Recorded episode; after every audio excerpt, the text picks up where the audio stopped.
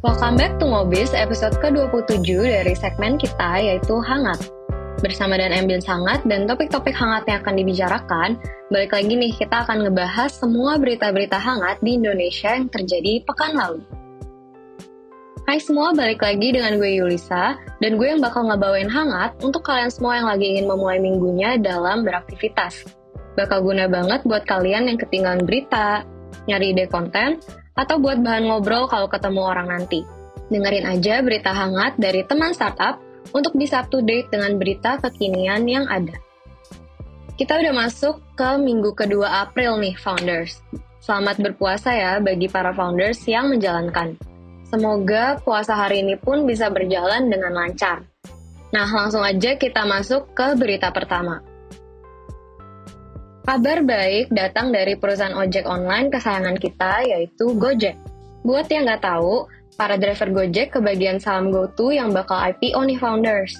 Untuk driver angkatan 2010 sampai 2016 akan dapat 4.000 lembar, dan angkatan 2017 sampai 2020 akan dapat 1.000 lembar.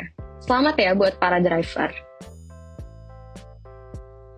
Nah, ngomong-ngomong tentang saham-saham yang IPO, ternyata ada beberapa saham lain juga yang patut founders waspadain nih yaitu PT Wir Asia atau WIRG, PT Sigma Energy Kompresindo atau SIKO, PT Teladan Prima Agro atau TLDN, PT Murni Sadar atau MTMH, dan PT Winner Nusantara Jaya atau WinApp.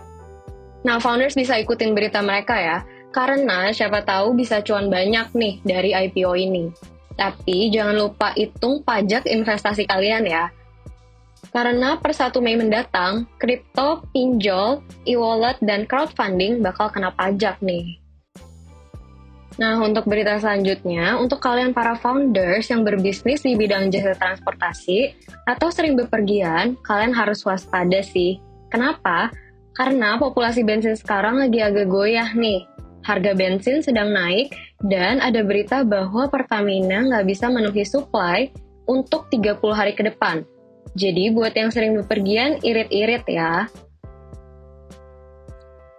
Dan untuk berita terakhir, ada berita buruk lagi nih buat orang-orang yang suka jalan-jalan. Karena ada virus baru namanya Omicron XE yang katanya lebih mudah menular daripada Omicron biasa.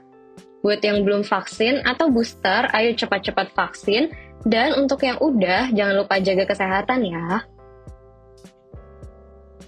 Oke, kita sudah sampai di penghujung recap berita hangat dari minggu lalu.